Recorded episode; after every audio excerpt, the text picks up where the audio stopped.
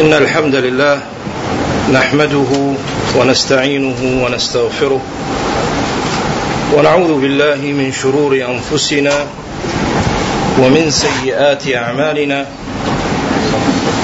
من يهده الله فلا مضل له ومن يضلل فلا هادي له.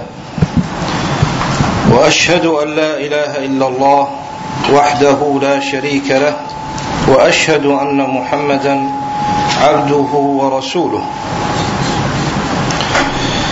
يا أيها الذين آمنوا اتقوا الله حق تقاته ولا تموتن إلا وأنتم مسلمون. يا أيها الناس اتقوا ربكم الذي خلقكم من نفس واحدة وخلق منها زوجها وبث منهما رجالا كثيرا ونساء واتقوا الله الذي تساءلون به والأرحام إن الله كان عليكم رقيبا.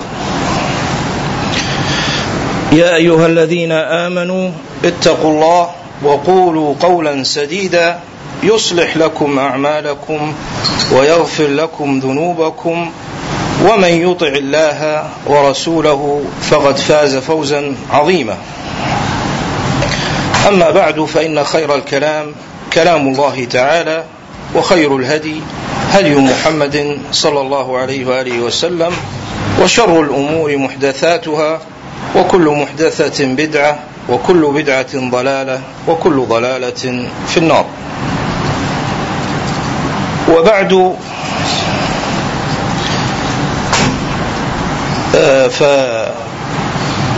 فرغب الإخوة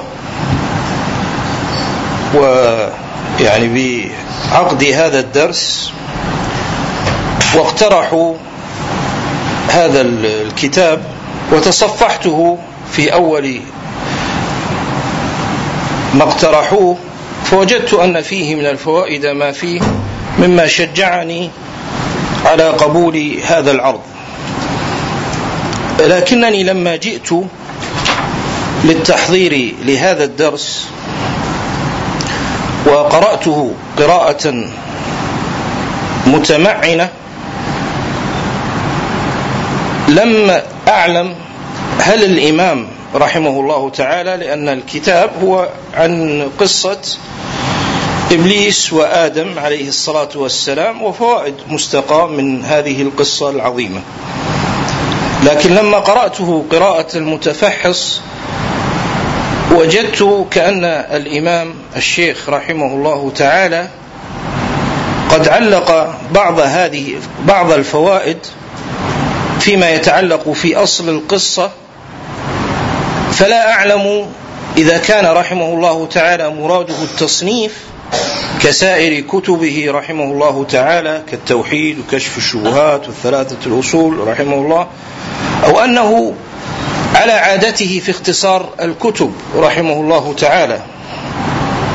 فإن الإمام محمد بن عبد الوهاب رحمه الله معروف بأنه يختصر المطولات. وهذا دأب أهل العلم قديما وحديثا. كما قيل قديما لا بد للطالب من كناش يكتب فيه قاعدا وماشي. فكان رحمه الله يختصر الكتب. فلا أدري هل هو أراد التصنيف بهذا الكتاب أم أنه رحمه الله تعالى على ما جرت عادته علق بعض الفوائد حتى واقتنصها ورتبها بهذا الترتيب الذي تجدونه. طبعا ما فائدة يعني هذا الأمر أو هذا التساؤل هنا؟ فائدته تظهر أن مما ينبغي على طالب العلم أن يحترم العلماء رحمهم الله تعالى جميعا الأحياء والأموات. ومن احترام العلماء احترام شروطهم في كتبهم فإن هذا من احترام العلماء الواجب. فإذا كان ثمة كتاب وكان لصاحبه لصاحبه من أهل العلم شرط فيه فإنه ينبغي للطالب أن يراعي شرط هذا المصنف. ولذلك لما جاء بعض شراح البخاري رحمهم الله تعالى أعني الكرماني فجاء البخاري رحمه الله في موضع من المواضع واستطرد وأتى ببعض الفوائد.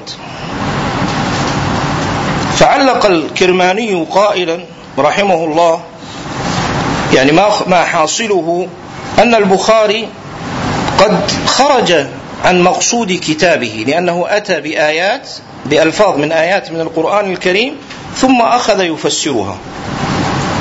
فقال الكرماني أن البخاري خرج عن مقصود كتابه.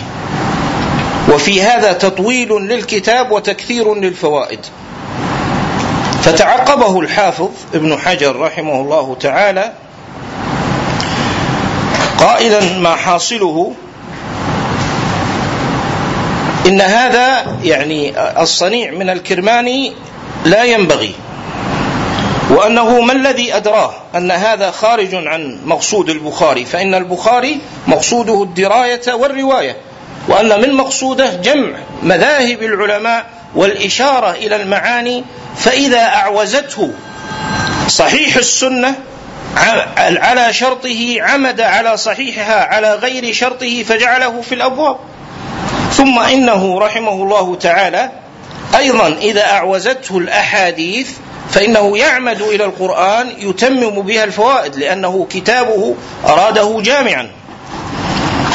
والمقصود أنه لا بد من احترام العلماء في شروطهم. إذا كان لهم شرط مصرح به فيعرف هذا الشرط. إذا كان ليس لهم شرط فإن بالممارسة وبما يذكره أهل العلم تعرف عوائد وفوائد أهل العلم. فمثلا حين نقد ابن حبان ممن يرى أن مذهبه في التصحيح والتضعيف فيه خروج عن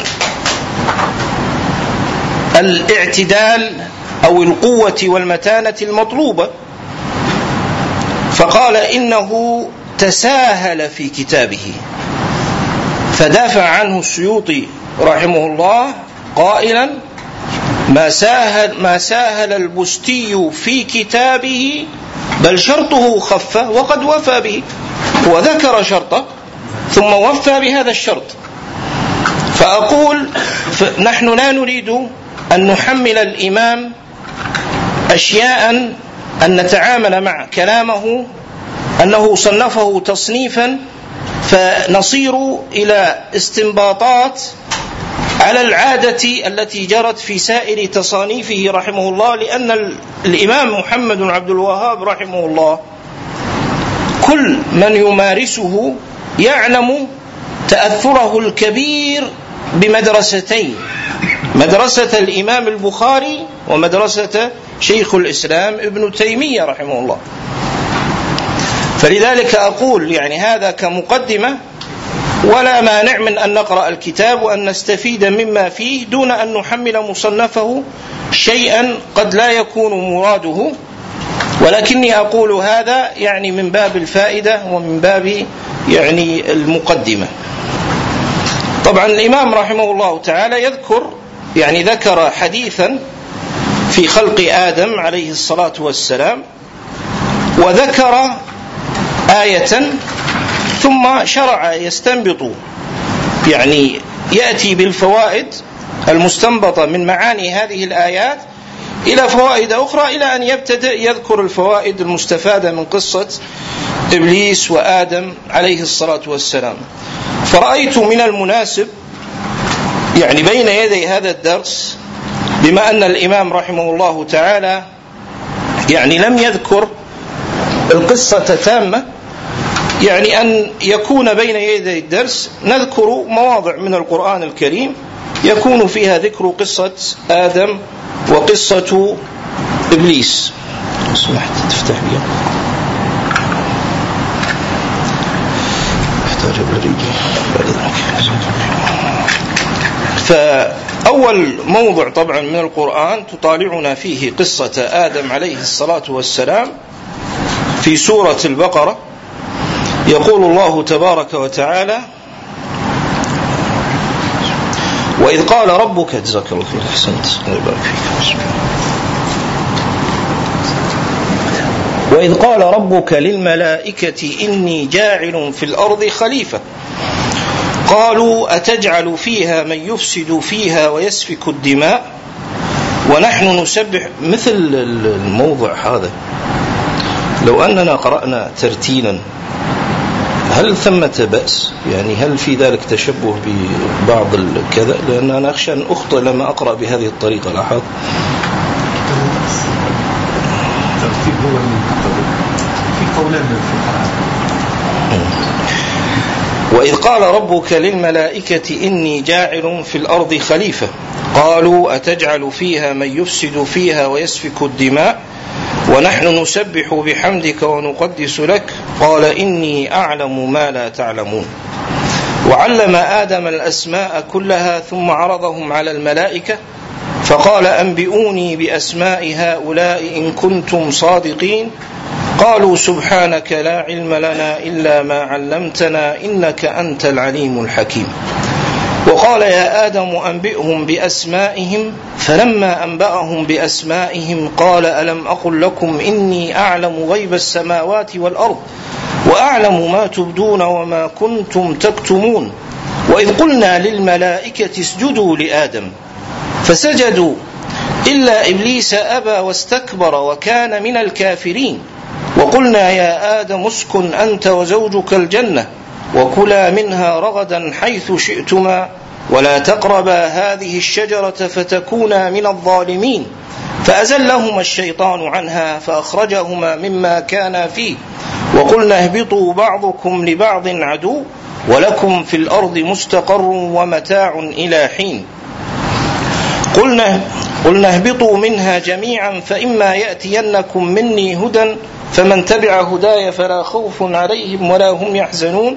والذين كفروا فتلقى آدم من ربه كلمات فتاب عليه. إنه هو التواب الرحيم. ولا بأس من أن ننتقي أيضا موضعا آخر وهو ما جاء في سورة الأعراف. يقول الله تبارك وتعالى ولقد خلقناكم ثم صورناكم ثم قلنا للملائكة اسجدوا لآدم. فسجدوا إلا إبليس لم يكن من الساجدين. قال ما منعك ألا تسجد إذ أمرتك؟ قال أنا خير منه خلقتني من نار وخلقته من طين. قال فاهبط منها فما يكون لك أن تتكبر فيها؟ فاخرج إنك من الصاغرين.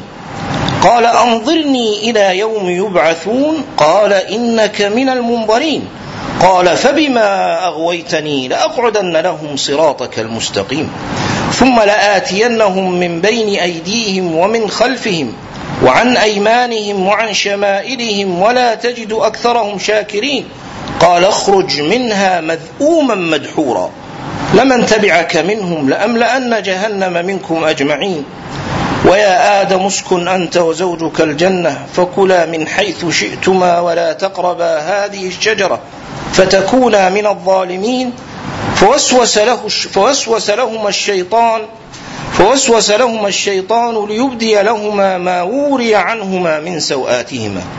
وقال ما نهاكما ربكما عن هذه الشجرة إلا أن تكونا ملكين أو تكونا من الخالدين. وقاسمهما إني لكما لمن الناصحين. فدلاهما بغرور. فلما ذاق الشجرة بدت لهما سوآتهما. وطفقا يخصفان عليهما من ورق الجنة وناداهما ربهما ألم أنهكما عن تلكما الشجرة وأقل لكما إن الشيطان لكما عدو مبين؟ قالا ربنا ظلمنا أنفسنا وإن لم تغفر لنا وترحمنا لنكونن من الخاسرين. طبعا القصة تدور حول آدم عليه الصلاة والسلام وحول إبليس. نعوذ بالله من همزات ونزغات الشياطين. فلا بد فيما أعتقد أن نتعرف على آدم ثم نتعرف على إبليس.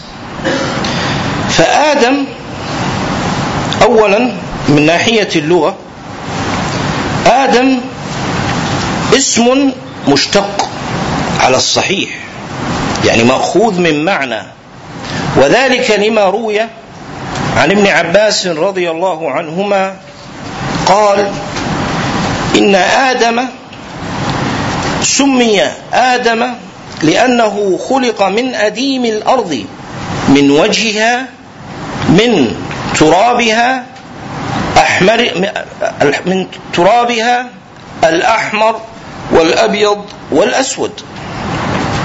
وكذلك روي عن سعيد بن جبير. فما دام أن هناك آثار فيتعين المصير إليها. وأما كونه ممنوعا من الصرف فالعلة في ذلك أنه على وزن أفعل أي أأدم فخففت الهمزة. فصار آدم. فمنع من الصرف لأنه للعلمية ولوزن الفعل. وجزم الجوهري والجواليقي أنه عربي. وقال أقوام من أهل العلم أن آدم بالسريانية في لسان أهل الكتاب هو آدام على وزن خاتام.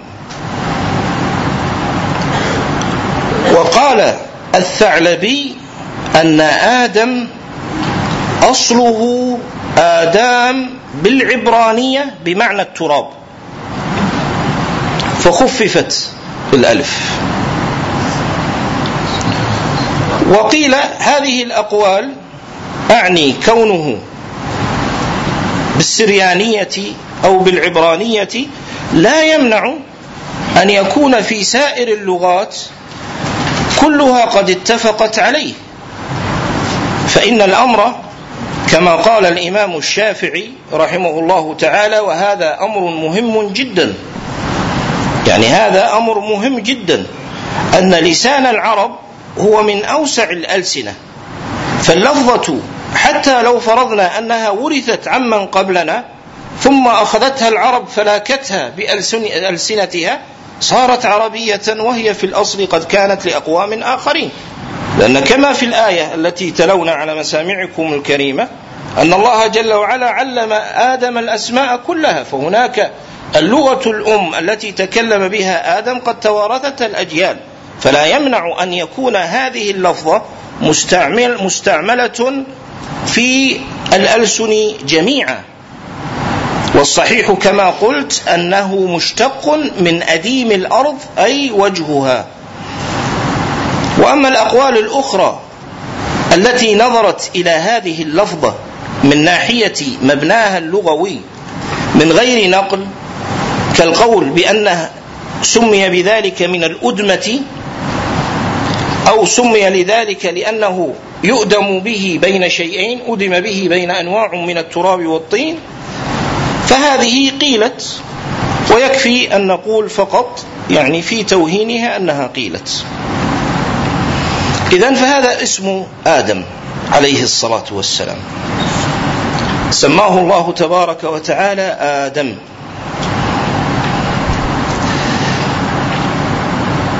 وهو نبي من أنبياء الله تبارك وتعالى.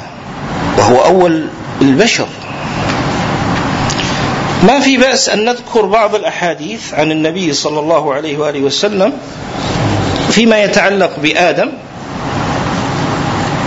حتى إذا جئنا إلى ذكر الفوائد يكون الأمر واضح يعني بالنسبة لأصل القصة كما يعني سمعنا في كلام ربنا جل وعلا وكما في يعني ما سيأتي. فمن الأحاديث التي جاءت في خلق آدم عليه الصلاة والسلام عدا ما ذكره المصنف رحمه الله تعالى حديث أبي هريرة رضي الله عنه وأرضاه أن النبي صلى الله عليه وآله وسلم قال إن الله خلق آدم من تراب فجعله طينا ثم تركه. حتى إذا صار حمأ مسنونا صور خلقه وصوره ثم تركه. فلما صار صلصالا كالفخار مر به إبليس. فقال لقد خلق هذا لأمر عظيم. لقد خلق هذا لأمر عظيم. فلما نفخ الله فيه من روحه كان أول ما جرت الروح في بصره وخياشيمه فعطس فقال الحمد لله فقال الله له يرحمك ربك. رواه أبو داود والترمذي وابن حبان والبزار وغيرهم من طريق المقبوري عن أبي هريرة رضي الله عنه وأرضاه حديث آخر عن أنس رضي الله عنه وأرضاه عن النبي صلى الله عليه وآله وسلم قال: لما خلق الله آدم تركه ما شاء الله أن يدعه. فجعل إبليس يطيف به. سبحان الله، نعوذ بالله من همزات ونزغات الشياطين. يعني حتى قبل أن يخلق وإبليس في الجنة وتجده يحوم حول هذا الشيء مما يدلك على أن الشر إذ لم يتطهر الإنسان ويتزكى فإنه قد يصير كمثل العادة. الأصل في الشر أنه لجاجة وليس بعادة. إذ الخير عادة والشر لجاجة. ولكن إذا أهمل أهمل المخلوق نفسه سواء كان آدمي أو غيره فغرست فيه صفة من الصفات فقد تجري مجرى العادة حتى تكون ملازمة له.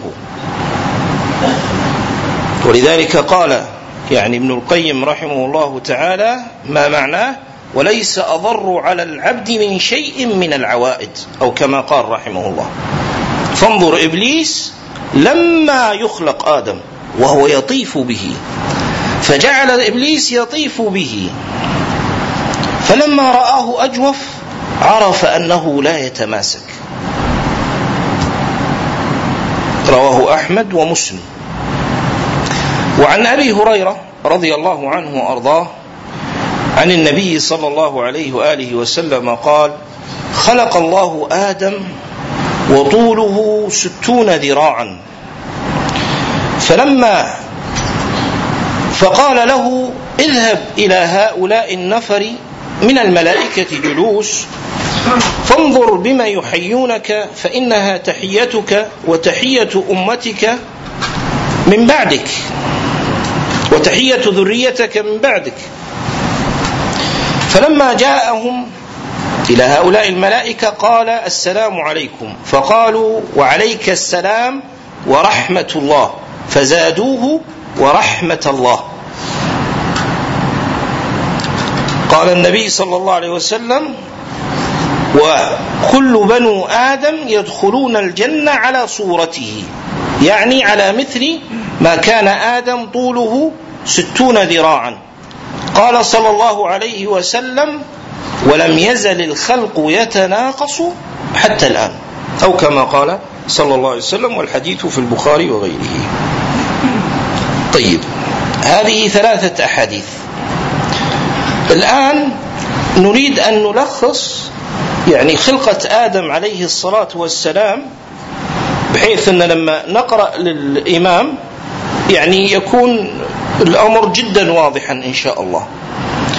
فالله جل وعلا قال إنه إنه خلق. يقول الله تبارك وتعالى خلقكم من تراب. وقال الله جل وعلا من طين لازب. وقال الله تبارك وتعالى من صلصال. قال الله تبارك وتعالى من سلالة. قبل الصلصال. من سلالة. وقال الله تبارك وتعالى من حمأ مسنون. وقال الله تبارك وتعالى من صلصال كالفخار. أعيدها. خلقكم من تراب. من طين لازب من سلالة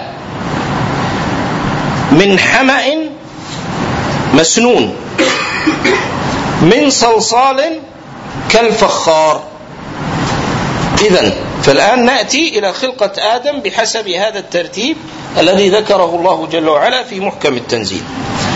فأول الأمر خلق الله عز وجل آدم من تراب كما سيأتي في الحديث الذي يريده المصنف أن الله جل وعلا قبض قبضة من وجه الأرض من جميعها من سهلها من خبيثها من طيبها من سبخها من أبيضها من حمرائها من غير ذلك.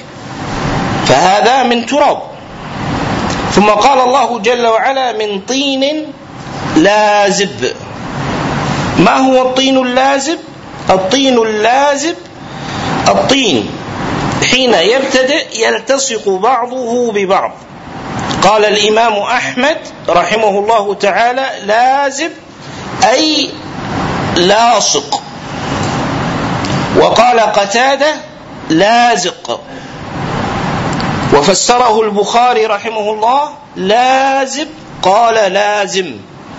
أخذه من أبي عبيدة.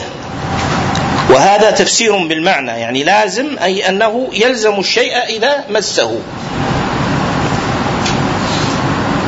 أخذوه من قول النابغه يعني ضربة ضربة لازب. اذا فمن طين لازب. تراب ثم من طين لازب. التراب إذا وضعت عليه الماء صار طينا فإذا تركته مهلة تلصق أو تلزق فهذا لازب. ثم من سلالة. من سلالة هنا يعني ماذا؟ يعني أنه إذا ترك الطين والتراب مهلة ثم مسكته فإنه تفضل شيخنا. فإنه ينسل من بين الأصابع. ينسل من بين الأصابع. سلالة ينسل. مثل لما تمسك الطين الرطب ثم تضغط بيدك ماذا يحصل؟ ينساب. فهذا من سلالة. غير السلاله الأخرى التي سيأتي يذكرها الشيخ في خلق الآدميين عموما من سلالة من ماء مهين. هذه سلالة ثانية.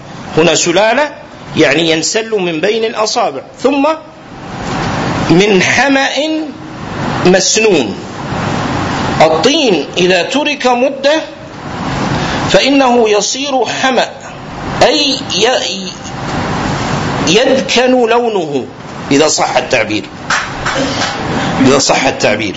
يعني يميل لونه يصبح يدكن. مسنون يعني متغير. وإذا تغير ماذا يحصل؟ يصير في رائحة. ولذلك فسر بأنه إيش؟ منتن. ثم من صلصال كالفخار. من صلصال كالفخار. ما هو الصلصال؟ إذا يبس. هذا الطين بعد إذ كان حمأ مسنونا ماذا يحصل؟ يصبح يابسا صلصالا. يعني كيف صلصال؟ صلصال أي له صلصلة. مثل ما تقول صلة فسرها البخاري رحمه الله قال صلة مثل صرة يعني له صوت. لكنه ليس فخارا. لأن الله جل وعلا قال كالفخار لكن ليس فخارا. صلصال. صلصال كالفخار.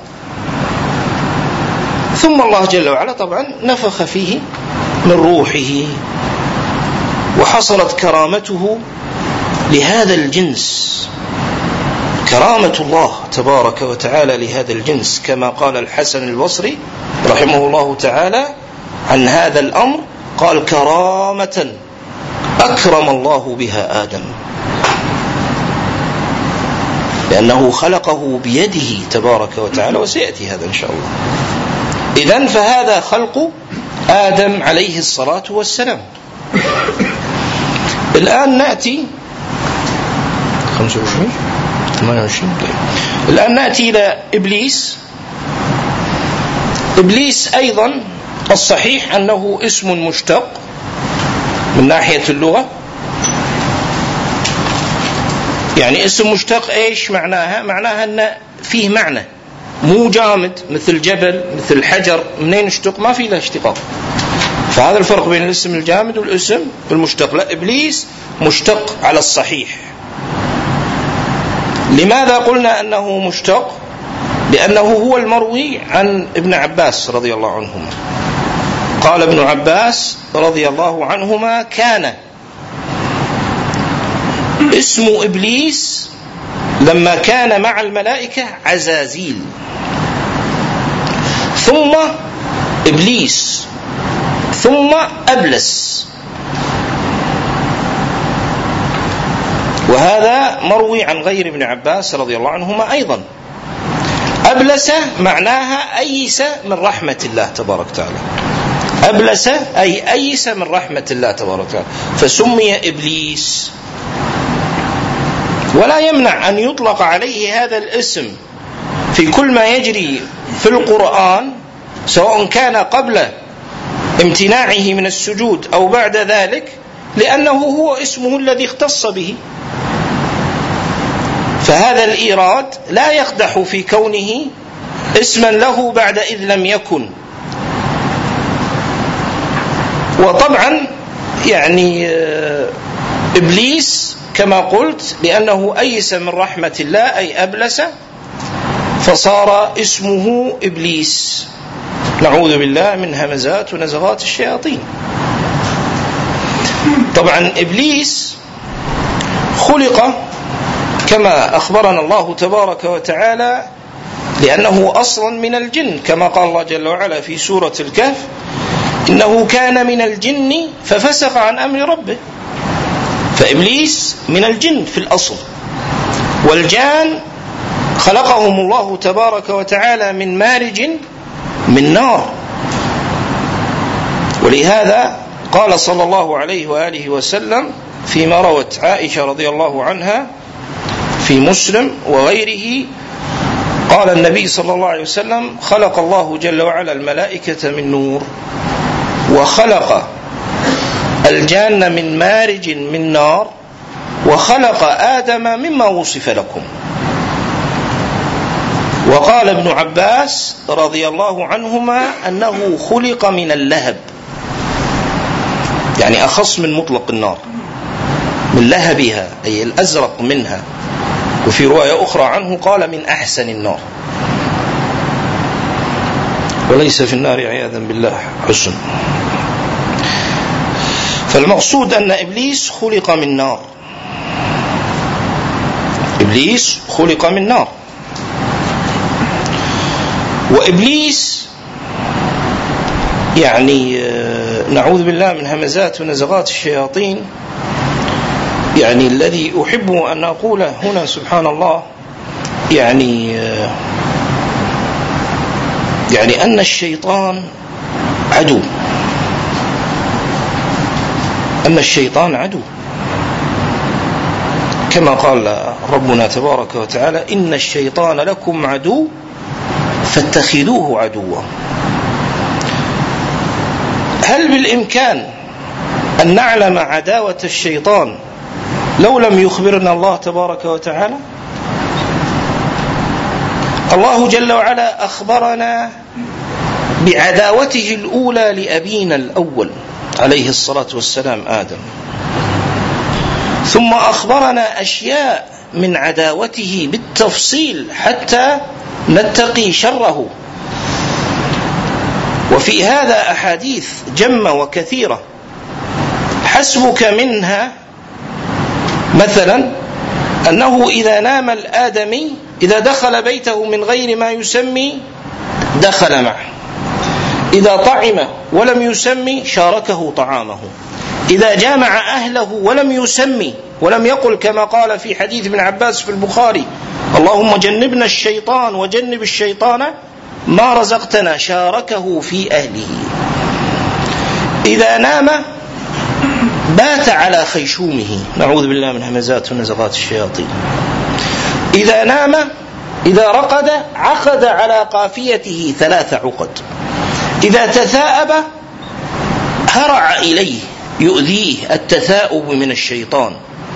إذا نام ولم يذكر الله يتسلط عليه في أحلامه ومنامه كما قال صلى الله عليه وسلم والحلم من الشيطان. وقال صلى الله عليه وآله وسلم أيضا من الأحاديث العظيمة في هذا الباب أيضا حديث صفية في البخاري لما قال النبي صلى الله عليه وسلم إن الشيطان يجري من ابن آدم مجرى الدم. عدو بهذه المثابة. من لم يتخذ الأسباب التي شرعها الله تبارك وتعالى لكفاية شره وجنوده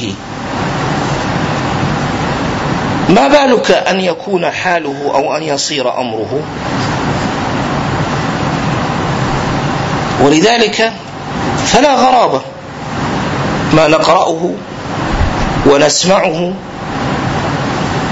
من كثير من الأشياء التي تلم بالمسلمين الذين لم يأخذوا بالأسباب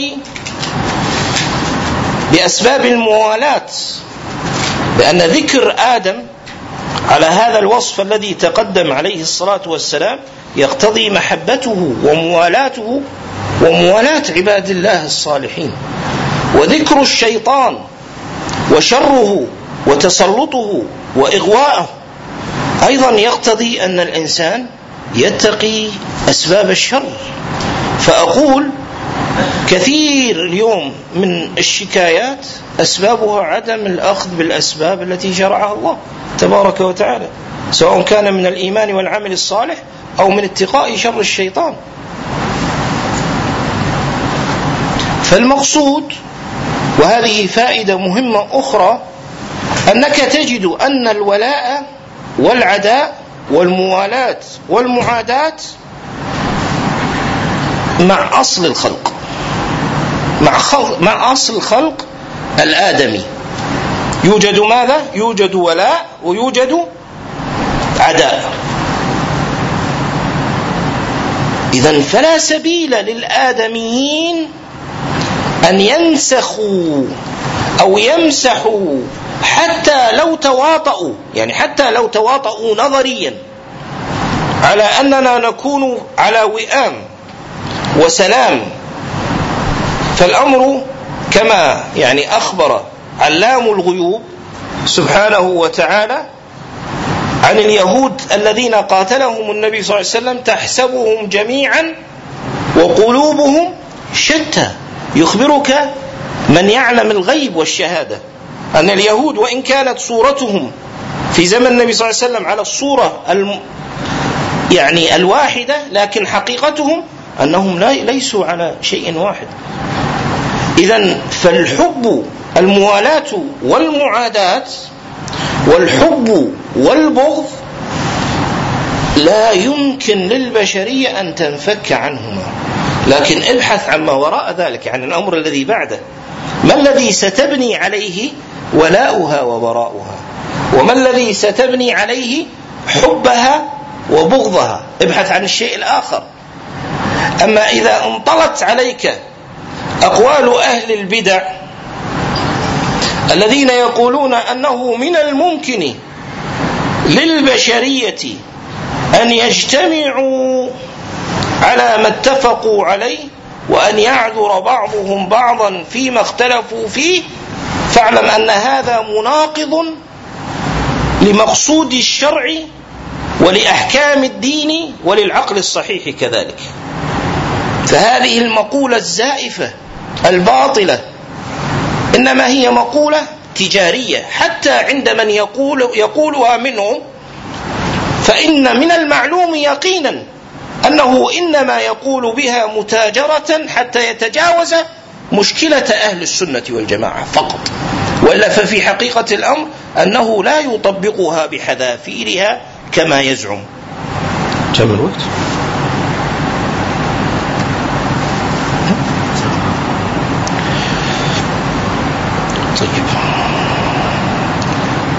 نكتفي بهذا القدر لأول درس ونكمل إن شاء الله تبارك وتعالى الدرس القادم بحول الله وقوته. جزاكم الله خير.